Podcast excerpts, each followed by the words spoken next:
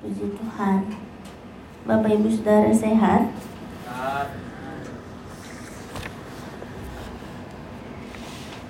Puji Tuhan, haleluya. Apa kabar? Bait Allah. Apa kabar bait Allah? Hah? Kita tuh bait Allah kan? Tem- tempat Roh Kudus bertahta. Ya. Jadi eh, kalau saya tanya apa kabar bait Allah? Ya, oke. Bapak Ibu Saudara, eh, hari ini saya bersuka cita karena yang pertama saya punya mic baru ya. Iya nih eh, baru ya. Ya, terima kasih. Ya, dia kan suka sarangeo, jadi saya sarangeo di sini ya. Oke. Yang kedua, saya bersyukur hari ini bersuka cita. Kenapa? Eh, saya masih boleh ad- boleh ada bersama-sama dengan Bapak Ibu Saudara. Jadi em, minggu lalu saya tidak ada bersama-sama dengan Bapak Ibu, ya em, karena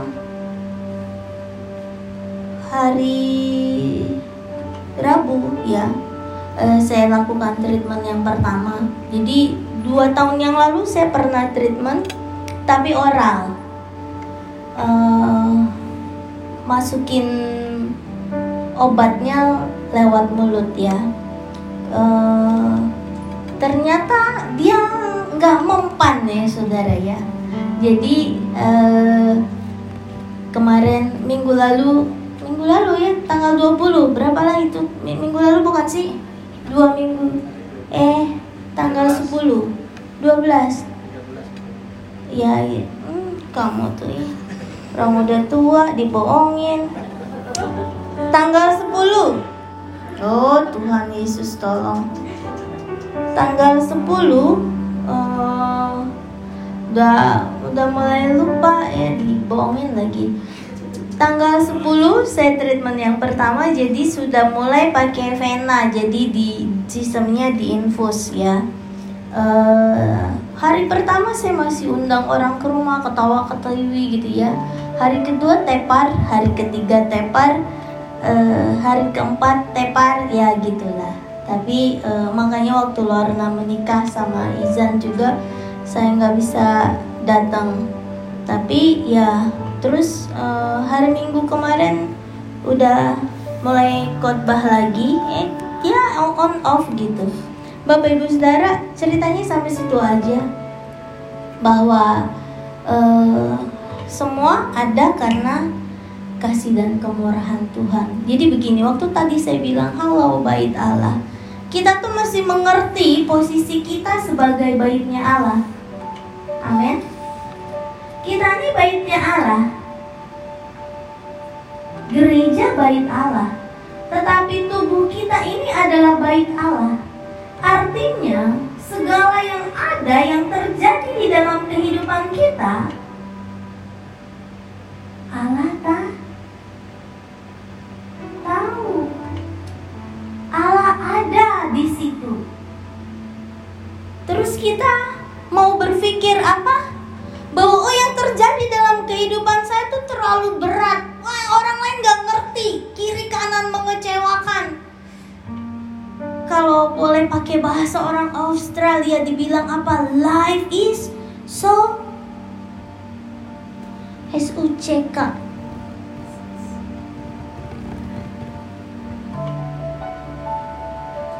Gitu. Tapi eh, hari ini kita mau belajar Bagaimana hidup kita penuh dengan roh kudus. Begini loh Bapak Ibu Saudara.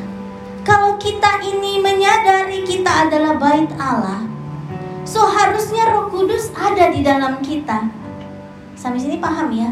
Terus kenapa kita masih bilang Roh Kudus penuhi, Roh Kudus masuk? Oh, artinya kehadiran Roh Kudus di dalam hidup kita mulai tidak terasa. Kenapa tidak terasa? Karena ada beban masalah, karena ada harta yang melimpah, karena ada banyak perkara di dalam kehidupan kita yang membuat kita tidak lagi merasakan kehadiran Tuhan.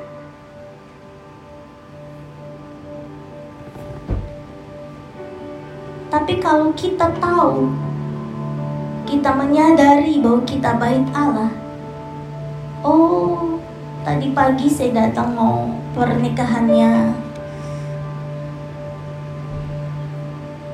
Itulah ya, saudara, adiknya Jen. Saya ketemu dengan Nia.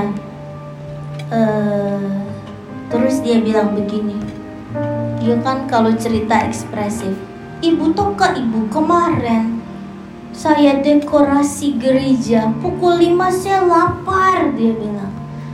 Terus saya kan jawabnya simple kenapa nggak ketuk rumah ibu ke rumah ibu? Terus dia bilang enggak lah nanti ibu sedang rehat.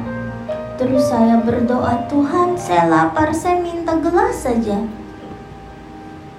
Betul ya cerita begini ada nggak sih anaknya nih ya? Nggak ada ya besok saya minta gelas aja dia bilang. Dia cari nggak ada gelas. Terus saya bilang kan ada botol air putih itu. Bukan air putih bu. Saya mau gelas. Saya mau bikin minuman manis supaya saya kenyang. Cela terus dia bilang begini terus ada suara dia bilang pergi ke belakang. Betul ini om saudara jangan ketawa dia pergi ke belakang dia bilang oh kok tiada gelas. Ke mana ini Ezra buang semua gelas gitu kan? Dia cari-cari dia temukan satu kardus gelas. Terus dia bilang oh Tuhan kasih suara di belakang ada gelas saya bisa bikin kopi dia minum saya kenyang. Sudah bah dia bilang. Uh, saya kenyang bah dia bilang Bapak Ibu Saudara bayangin Tuhan masih bicara di dalam kehidupan kita apa pun keadaan kita. Amin. Roh Kudus masih terus bekerja sampai hari ini. Nah, kita buka Alkitab kita di Yohanes 4. Ini udah tiga minggu loh saya buka baca Alkitab Yohanes 4 terus. Yohanes 4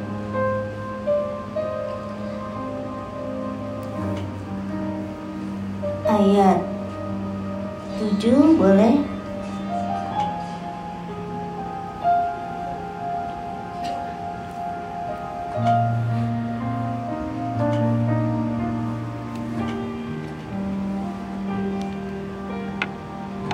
Ini satu kisah yang sudah sering kita uh, dengar ya tentang perempuan percakapan Yesus dengan perempuan Samaria. Coba lihat ayat yang ketujuh, apa katanya?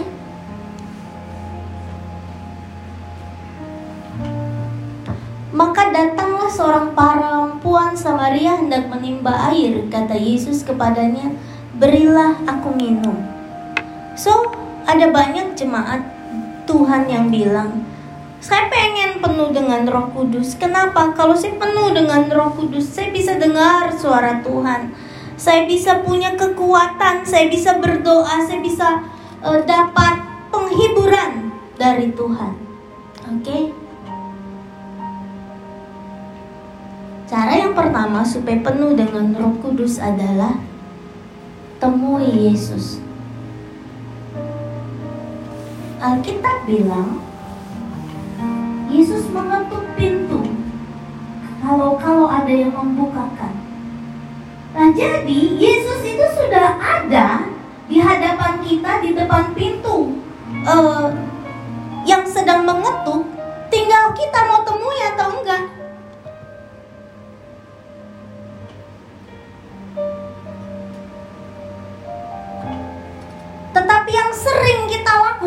adalah ketika kita merasa perlu pertolongan, harusnya yang kita temui adalah Yesus. Ketika kita punya persoalan, beban, masalah, dan sebut banyak hal, yang harusnya kita temui adalah Yesus. Tetapi sering endingnya yang kita cari adalah relasi kita, link kita, pekerjaan kita, orang-orang yang kita expect bisa menolong kita dan kita tahu endingnya. Semua mengecewakan. Tapi coba temui Yesus. Karena Yesus sedang menunggu kita. Saudara, ini kisah perempuan Samaria yang punya sudah punya suami berapa?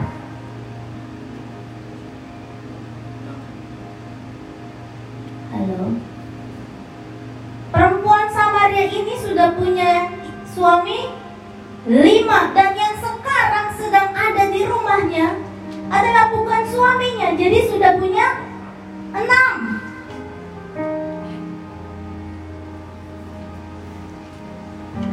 Yesus datang ke Samaria, duduk di pinggir sungai uh, sumur Yakub, ngapain? Saya mau bilang dia tunggu perempuan ini. Kalau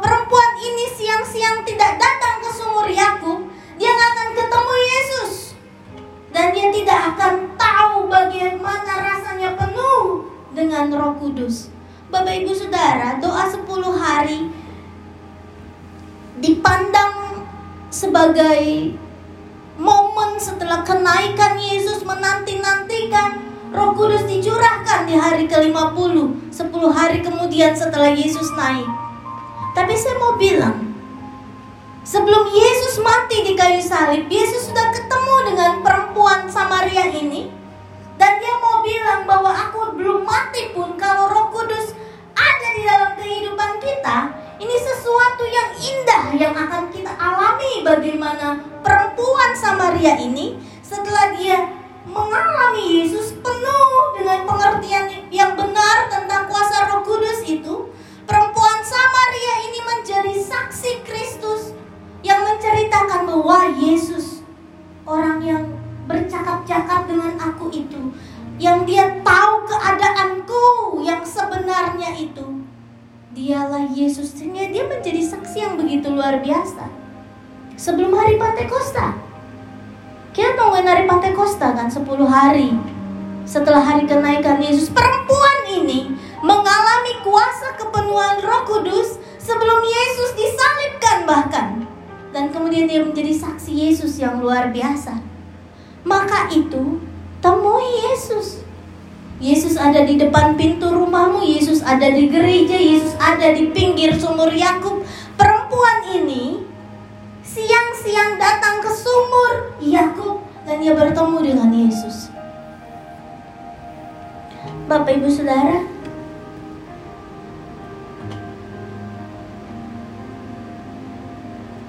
ketika hidup kita tidak dalam keadaan baik-baik saja, kita perlu Roh Kudus. Yesus ada di sorga sekarang. Roh Kudus ada di muka bumi ini. Yang lebih mudah kita jangkau, ya Roh Kudus. So temui.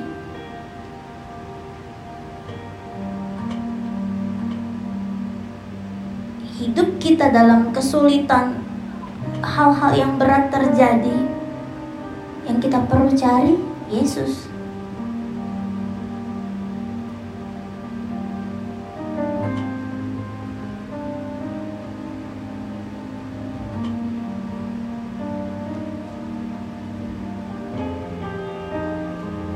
Yang kedua, ayat 10.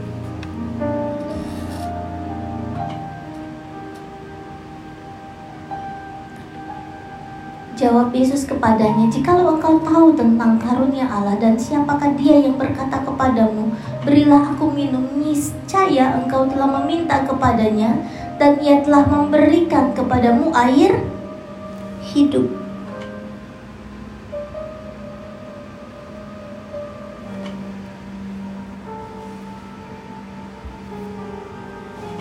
Yang kedua, pahami arti kasih karunia.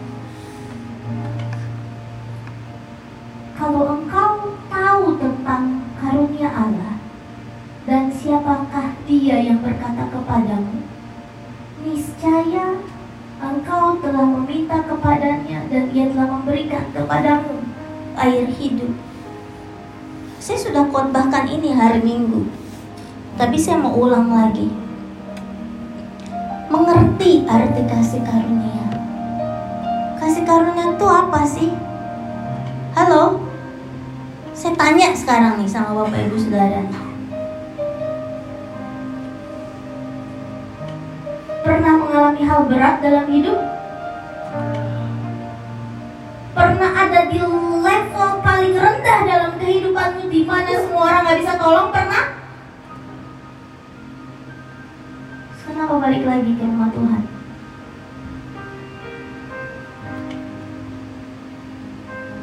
Kenapa balik lagi ke rumah Tuhan?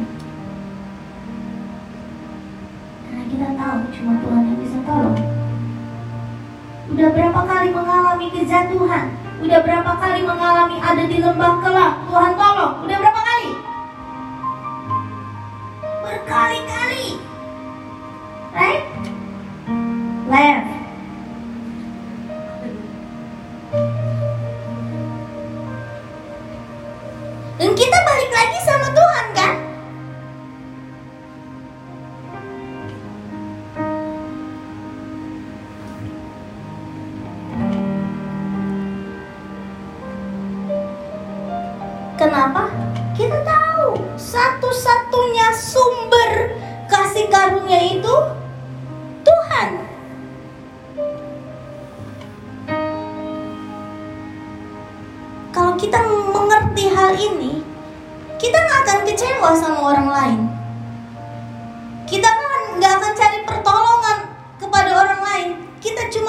Yesus, sumber kasih karunia itu. Dan murid-murid Yesus ketika melihat Yesus bercakap-cakap dengan perempuan yang sudah punya lima suami dan sekarang sedang kumpul kebo dengan laki-laki yang keenam, murid-murid Yesus terus lihat. Saudara, kalau saya ngobrol sama orang yang gak jelas aja pasti kalau ada jemaat lihat, ibu ngapain sih ngomong sama dia? Ibu ngapain sih? Ibu nggak tahu ya dia siapa gitu ya. Murid-murid Yesus juga sama, tapi ketika murid-murid Yesus lihat Yesus berkumpul, eh berkumpul ngobrol dengan perempuan Samaria itu, di situ murid-murid Yesus juga belajar tentang kasih karunia.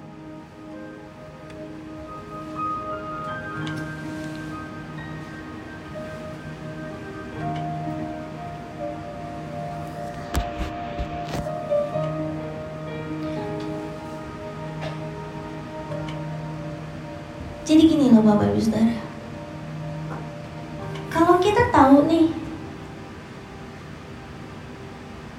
Setiap kita kan punya cerita dari kita bayi sampai kita ada hari ini, betul kan? Ada yang bilang, oh kayak anak saya, oh dia prematur, oh ada tumornya, oh ditolong Tuhan, oh ada cerita hidup kita masing-masing.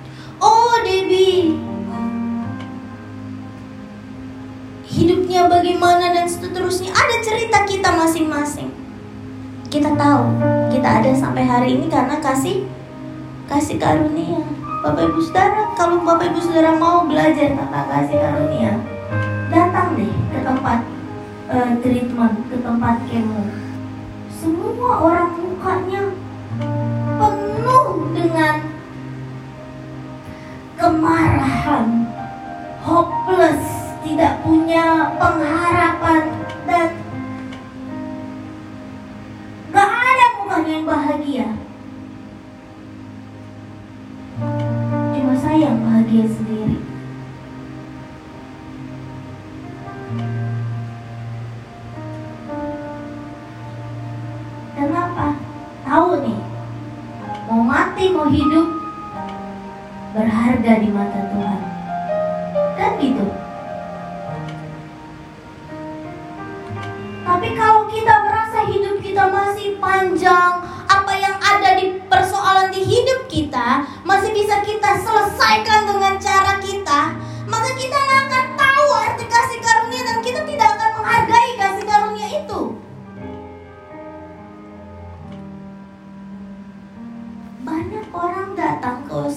Datang ke saya dan bilang bu saya punya banyak hutang.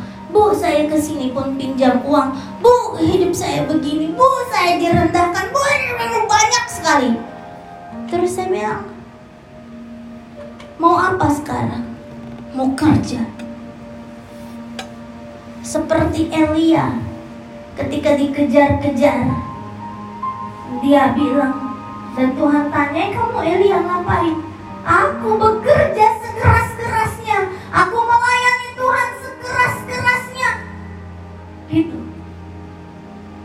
Bilang gitu sama Tuhan. Terus Tuhan bilang, eh makan, minum. Suruh makan sama minum sama Tuhan. Kenapa? You pikir itu susah buat saya tolong gitu ya. Kau pikir itu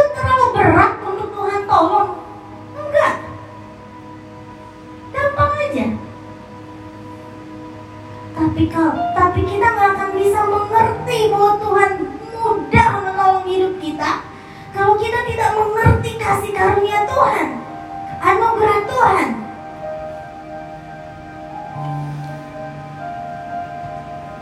jadi waktu saya di treatment ada sebelah saya bilang eh kamu ini yang pertama ya? Iya. Baru pertama kali enggak. Dua tahun yang lalu saya oral uh, minum kemo oral. Sekarang lagi ah dia bilang. Dia bilang lagi life is so s ya. Terus saya mau jawab apa? I will agree sama dia atau apa? biasa aja? Kenapa biasa aja?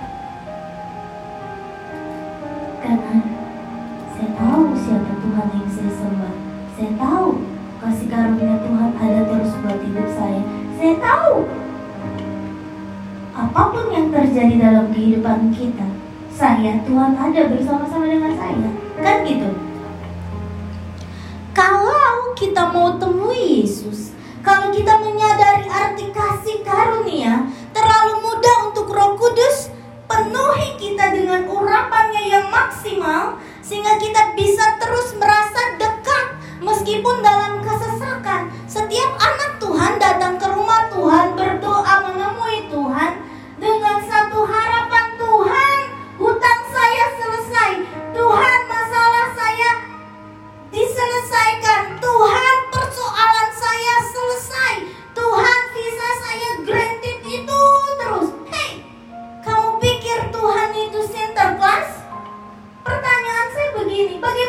Tuhan gak kasih?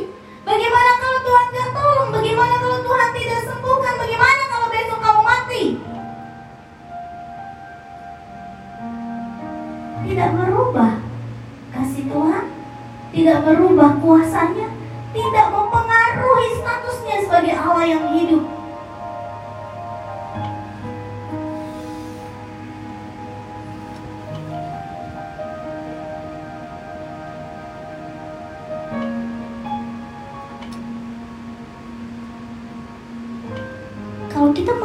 Arti kasih karunia Tuhan, kita tahu pasti. Segala persoalan tuh gampang diselesaikan Tuhan. Asal kita tahu siapa yang harus kita temui. Bukan temui bos tolonglah saudara. Bukan temui relasi tolonglah saudara. Bukan itu temui Tuhan. Mengerti bahwa aduh Tuhan. Ada lagu yang bilang kemurahanmu lebih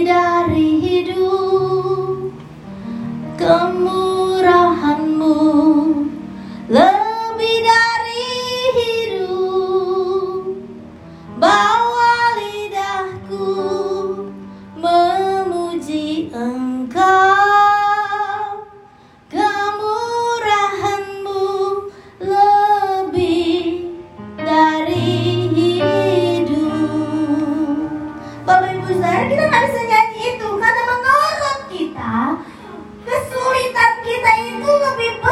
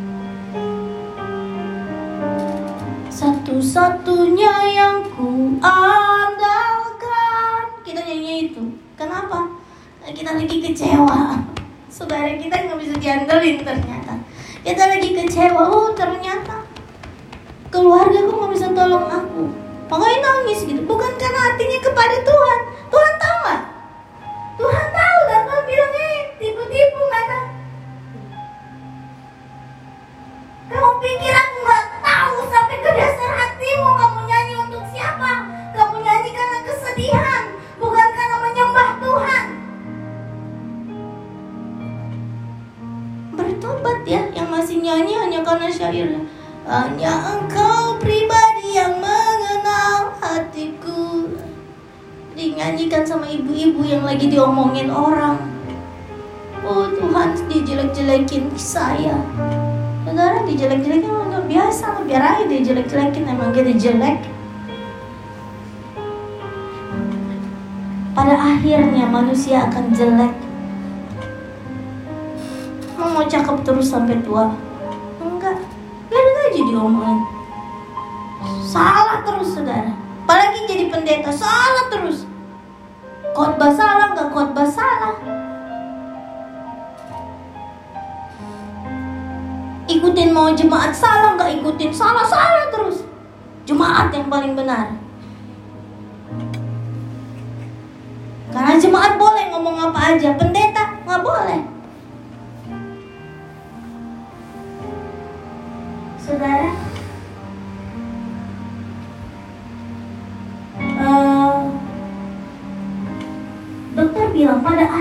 Debbie kamu akan pakai kruk. Eh kruk apa? Cane. Atau pakai wheelchair. Pakai itu uh, kursi roda. Oke? Okay? kalau ada di antara jemaat yang bilang ye ibu beriman dong khotbah aja pakai imannya. Buang tongkatnya. Berdiri dan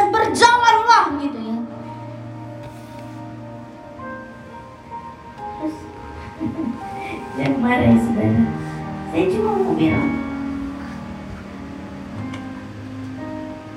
I pray so many times. Saya puasa, saya puasa for many times. Saya pergi ke dokter, saya pergi ke dokter for many times. Bertahun-tahun bahkan.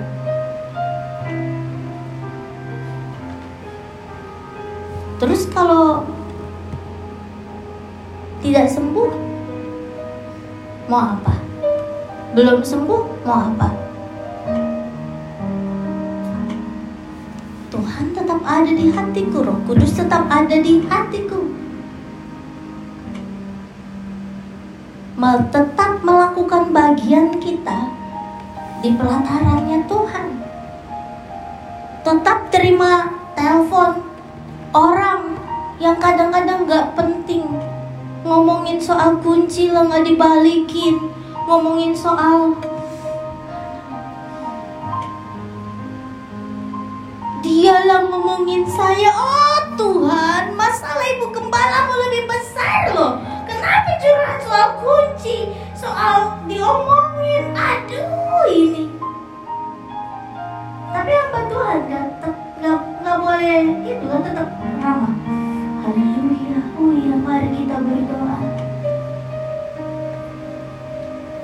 Elia bilang aku bekerja segiat-giatnya aku juga bisa bilang begitu di hadapan Tuhan. Saya juga bisa bilang begitu di hadapan Tuhan. Tapi gini loh Bapak Ibu Saudara. Saya bilang Tuhan saya mau menyembah Tuhan bukan karena saya sedih about my pain saya mau tetap menyembah Tuhan bukan karena saya sedih. tapi saya mau menyembah Tuhan karena saya tahu kuasa yang harus saya temui adalah Yesus. Kasih karunia Tuhan yang terbesar buat hidup saya adalah kasih Tuhan yang tidak pernah habis sampai hari ini. Makanya menyembah Tuhan dan itu yang Tuhan mau.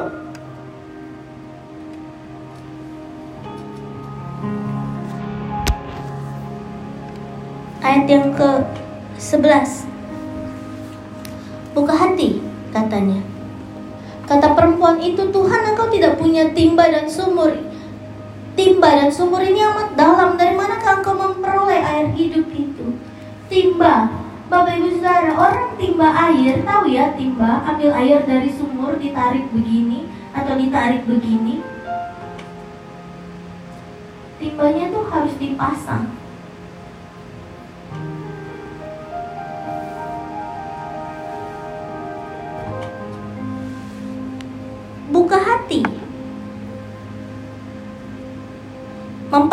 Mempersilahkan timba ini bekerja. Sumur yang dalam bicara tentang pekerjaan Roh Kudus yang tidak terselami. Tugas kita cuma buka hati, tidak perlu kita ingin terlihat pintar bicara tentang sumur Yakub, sejarahnya seperti perempuan Samaria ini bicara tentang oh apakah engkau lebih besar dari bapak kami Yakub dibuat yang dulu domba-domba dan gembalanya minum dari air ini. Ya perempuan itu punya pengetahuan tentang Roh Kudus yang begitu besar. Tetapi kalau hidupnya masih terus di dalam dosa artinya kamu cuma punya pengetahuan kamu cuma punya teori. Gak buka hatimu karena kalau orang sudah buka hati dia nggak suka loh hidup dalam dosa gerah saudara gerah kok hidup aku kalau ada orang suka diam aja terus hidup di dalam dosa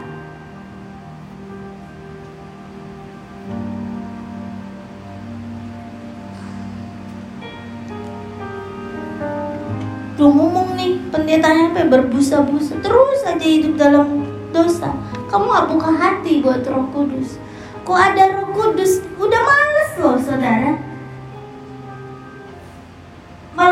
Dosa udah nggak. Ih, apa sih itu?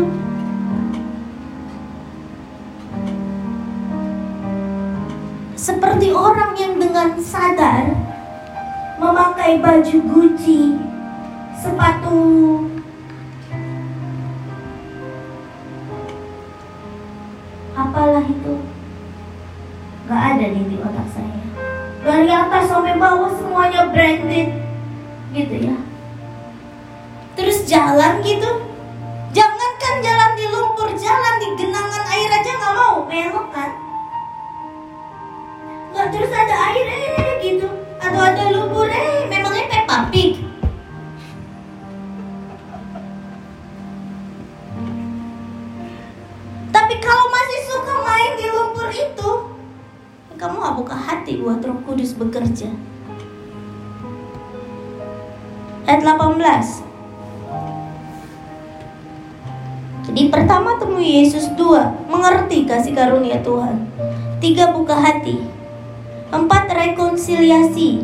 Ayat 18 Sebab engkau mempunyai lima suami Yang ada sekarang padamu bukan suamimu.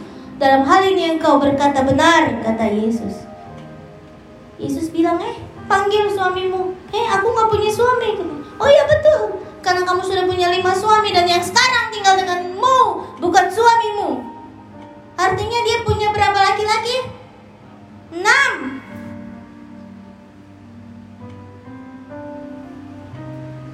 menurut ilmu teologi ada tujuh dosa utama jadi perempuan ini hampir punya dosa tujuh utama semua dia lakukan Dosa pertama apa? Kesombongan, Lucifer. Dosa kedua apa? Cinta uang, mamon. Yang ada di Australia biasanya begini, mamon. habis balik ke yang pertama sombong.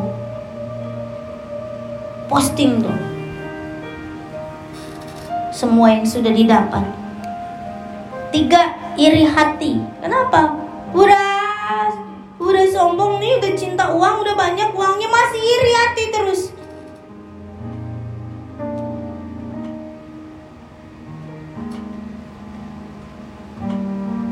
Yang keempat amarah. Ini ada nama-nama iblisnya tapi tulisan saya kekecilan gak kebaca.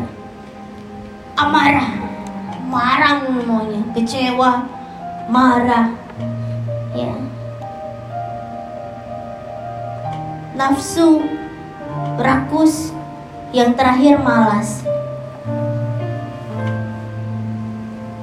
Kenapa perempuan ini bisa punya lima dan sekarang keenam? Ibu-ibu tahu pasti deh kalau suaminya bilang, aku pergi ya.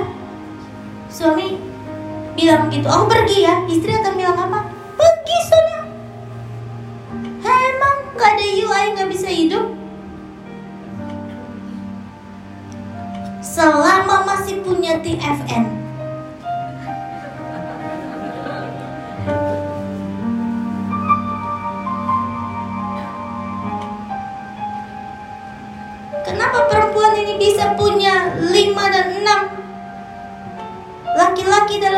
hidupnya cinta uang.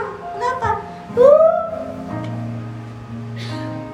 capek gue tuh nikah malu dari dulu susah terus gitu kan? Siapa suruh pilih yang itu? Kalau Tuhan boleh bilang kan gitu. Aku mau cari yang lebih baik. Iri. Kok dia suaminya lebih baik ya? Gitu ya nggak ada yang lebih baik kita nggak tahu aja dalamnya. Percaya deh. Nanya deh tuh yang sama tiap hari gantengan tangan juga. Ada pain di dalam kehidupannya. Saya suka jalan sama bapak gantengan tangan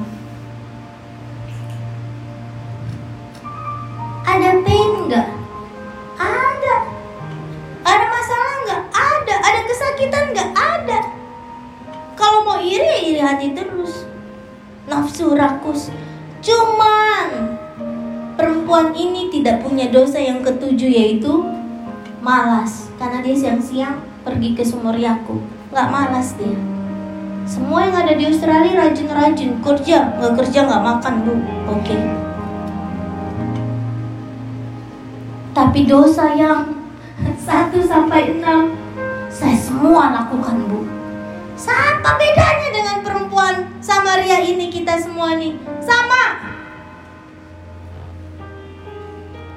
Saudara jangan merasa salah beribadah malam hari ini ya.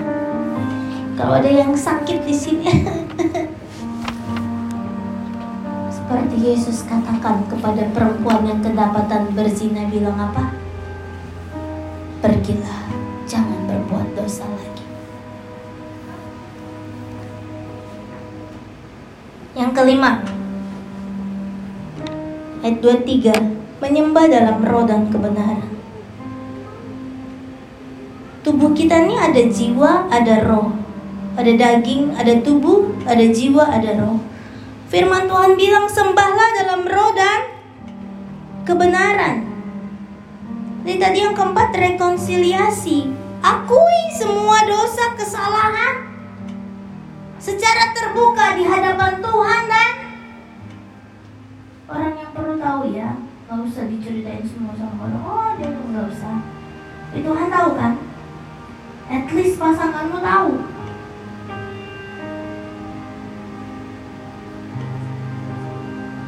No hiding hiding ya. Karena terbuka di hadapan Tuhan, it's easy buat Tuhan buka di hadapan manusia. Sebelum Tuhan lakukan itu, mendingan aku, saudara. Kan gini loh Bapak Ibu Saudara, kalau saya ajak Ken makan, terus dia bilang, Mami, aku suka makanan yang kemarin kita pergi itu, yang sausnya tuh digaris-garis di piring gitu ya diacak-acak gitu ya. Itu kan makin berantakan coklatnya di orang aret gitu kan makin mahal ya saudara ya. Sausnya di acak-acak gitu ada daun di dalam di atas ice cream yang ah itu tuh kayak gitu tuh. Makin aneh bentuknya tuh kan makin mahal kan. Ketika dia bilang mami aku mau ke tempat itu.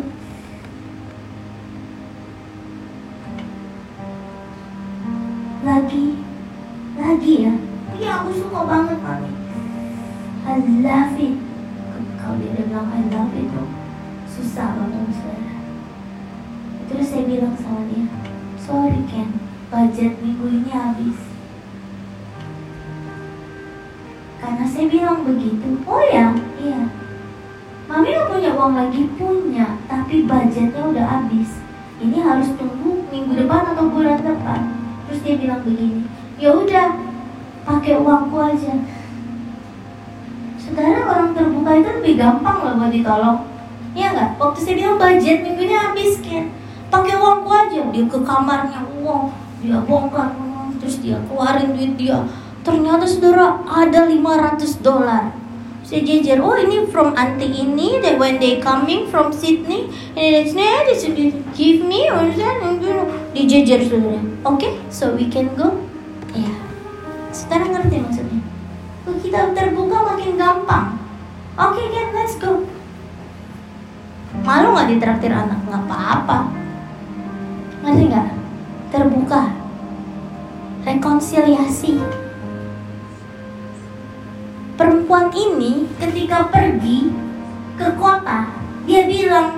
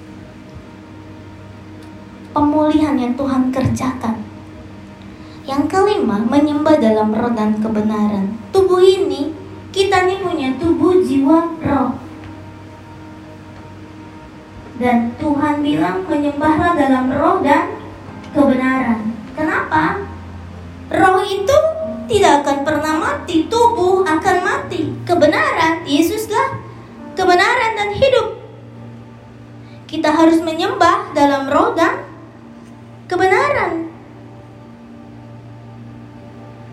Tubuh ini kotor Bapak Ibu Saudara ya. Mentang-mentang dibilang tubuh ini kotor Kita acak-acak tubuh kita Dengan dosa. Kita garis-garis tubuh kita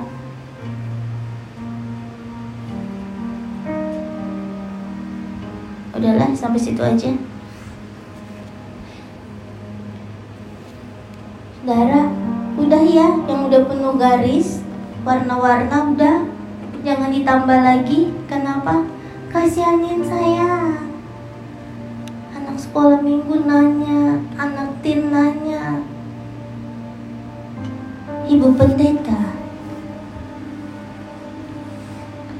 Nanti kalau 18 tahun aku mau punya tato oh Tuhan Yesus.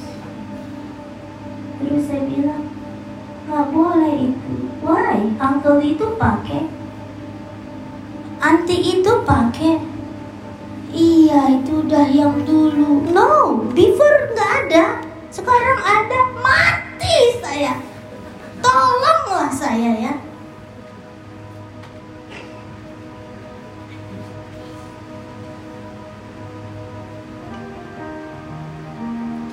kau punya anak-anaknya bilang begitu mau jawab apa saudara?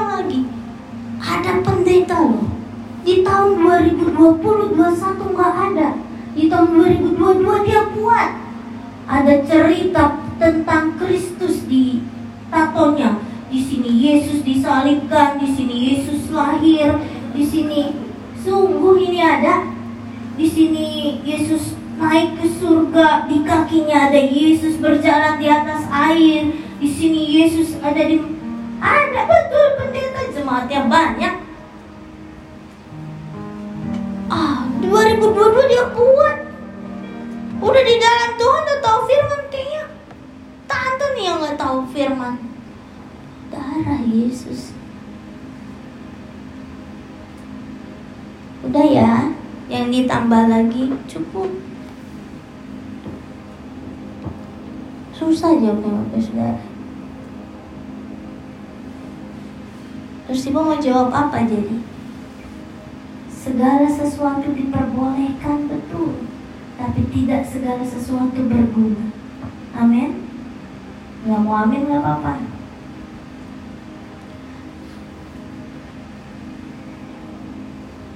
Tindik sini sini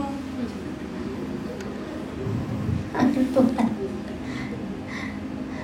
toh kita punya anak kita nggak mau anak kita gitu. Terus jangan ikut papa papa berdosa. Jangan ikut mama mama udah salah. Terus saya nih kayak kalian nanti coba gimana ya.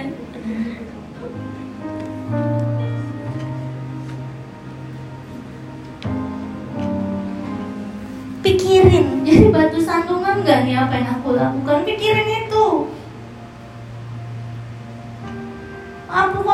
khotbah saya nanti jangan sampai saya ikut ikutan loh. Jadi gitu saya khotbah saya tinggal buka tangan saya. Di kejadian pasal.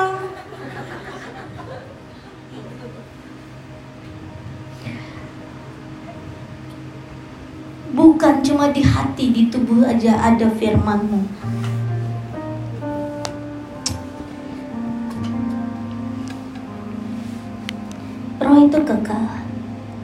menyembah dalam roh dan kebenaran menyembah dalam Yesus.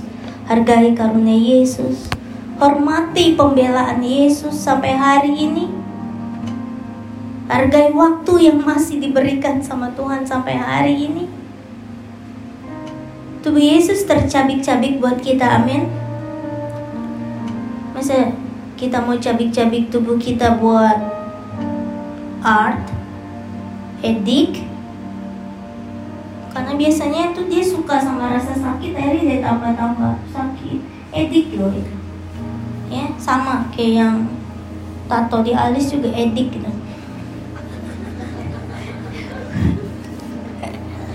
Tuhan oke. Okay.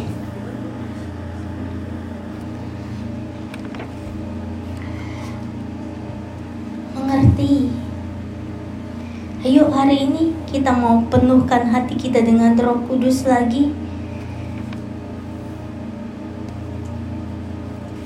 Ada lagu yang Apa tuh? Kalau ku hidup